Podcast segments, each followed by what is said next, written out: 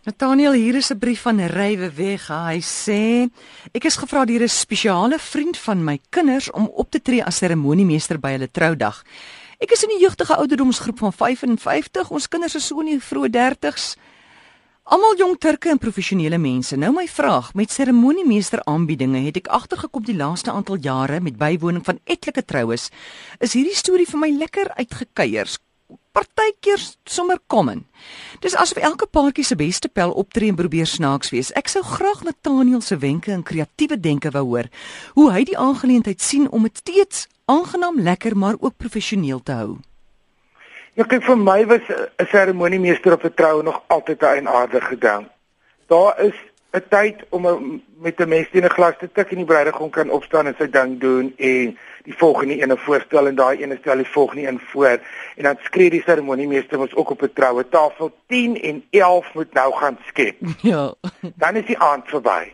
Wat vir my hartseer is van die meeste seremoniemeester goed is dat 'n troue is gewoonlik beautiful in die kerk en baie klasie en aandoenlik en dan val die hele geleentheid by die onthaal uitmekaar want die mense voel verplig om snaaks te wees.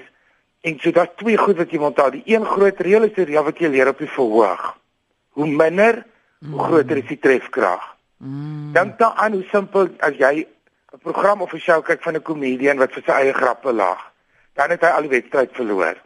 En die ding is jy kan 'n storie vertel maar mense wat staan 'n grappe uitreig is my vriend jy kan wel 'n staaltjie vertel oor die paartjie of iets uit hulle verlede wat met hoofletters sê ek dit betrekking het op die op die moenie vertel hoe het hy in standaard 3 van skok op die bank gepiep nie. Dit het niks met sy troue te doen nie. As jy 'n grappie vertel of iets interessant of iets maar hou dit so kort as moontlik die die probleem is almal is teen daai tyd al 'n bietjie gedrank want wanneer die onthaal begin gewoonlik 95% van die tyd is die paartjie vir 3 ure tot 'n week weg om troufoto's iewers in 'n groentetuin of op 'n ou tyd se kar of in 'n rivier te loop neem.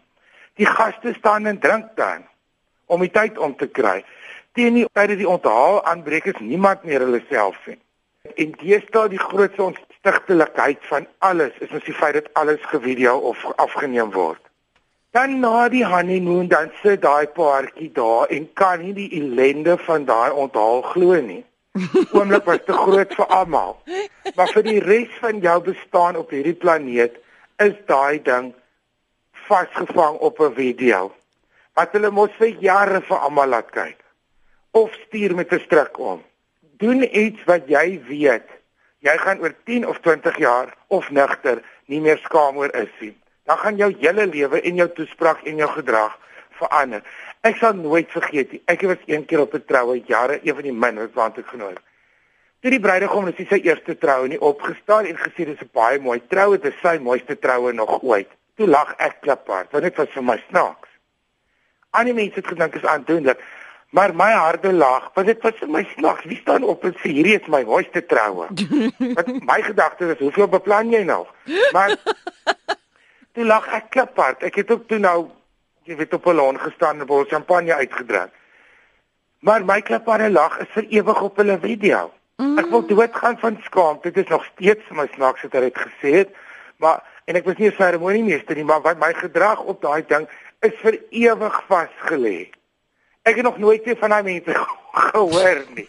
Want hulle kyk seker nog steeds of hulle kinders op hoërskool kyk hulle trou video en sê wie se kakop tannie wat so hard gelag het. Hier is Nathaniel.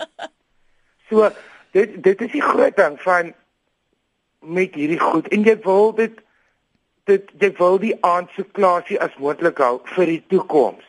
Daar's 'n ja. groot verskil tussen die toekoms en die oomblik. Onthou in 'n vertrek waar almal warm gedrink is en die oomblik is te groot vir baie mense. En baie mense dink hulle moet snaaks wees dat jy kry die tipe wat hulle tande slyp al vir jare. Nou watter raad ek, kan jy nog vir ry gee man? Hy moet 'n kort en kragtige toespraak uitwerk. Is 'n grappie of twee woorde is baie snaakser as 'n lang verhaal. En moenie as jy jou grappie vir die aand gemaak het of jou snaakse introduction speech, dan is jy klaar vir die aand dan is jou ander goed aankondigings as jy nog moet doen. Moenie elke keer. Ah. opstaan en van vooraf vergrap sodat die hele vertrek wens jy kom iets oor nie. Verstaan jy? Moenie dat mense begin soek vir iemand wat jou kan ontvoer tydens die hoofgereg want hulle weet jy kom weer 'n oomblikie. Maak dit plaasie en dan kan jy die res van jou aand geniet. En bespreek dit met die bruid en die bruidegom voor die tyd soos 'n professionele meeting. Hulle het net so 'n meeting met die caterer en die goed en jy's net so belangrik. Bespreek dit sodat jy die res van jou lewe jou kop kan regop hou.